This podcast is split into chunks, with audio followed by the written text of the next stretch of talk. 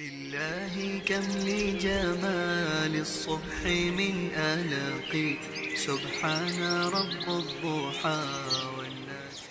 يعيش الإنسان غمار حياة صعبة ويواجه معارك هو طرف فيها رغما عنه.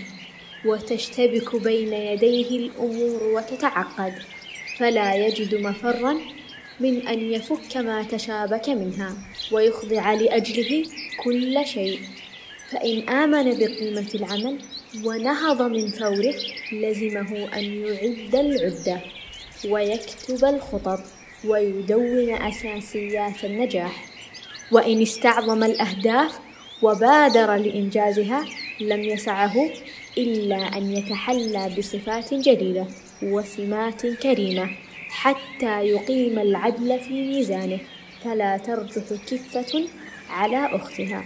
والقناعة أحد هذه السمات فهي توجيه إلهي وسنة نبوية وعدل بشري. فإن أكل المرء كفايته ونفض يده قبل أن يشبع كان خير له. والرضا بما هو بين يديه درجة عالية وحظ عظيم. فعن حكيم بن حزام رضي الله عنه أن النبي صلى الله عليه وسلم قال اليد العليا خير من اليد السفلى وابدأ بمن تعول وخير الصدقة ما كان عن ظهر غني ومن يستعفف يعفه الله ومن يستغني يغنيه الله.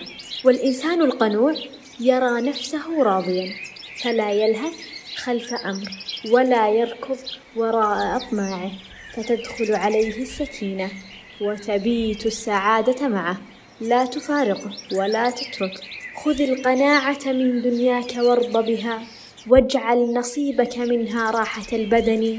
وانظر لمن ملك الدنيا بأجمعها هل راح منها بغير القطن والكفن؟ وقيل أيضا رأيت القناعة رأس الغني فصرت بأذيالها متمسكي فصرت غنيا بلا درهم أمر على الناس شبه الملك.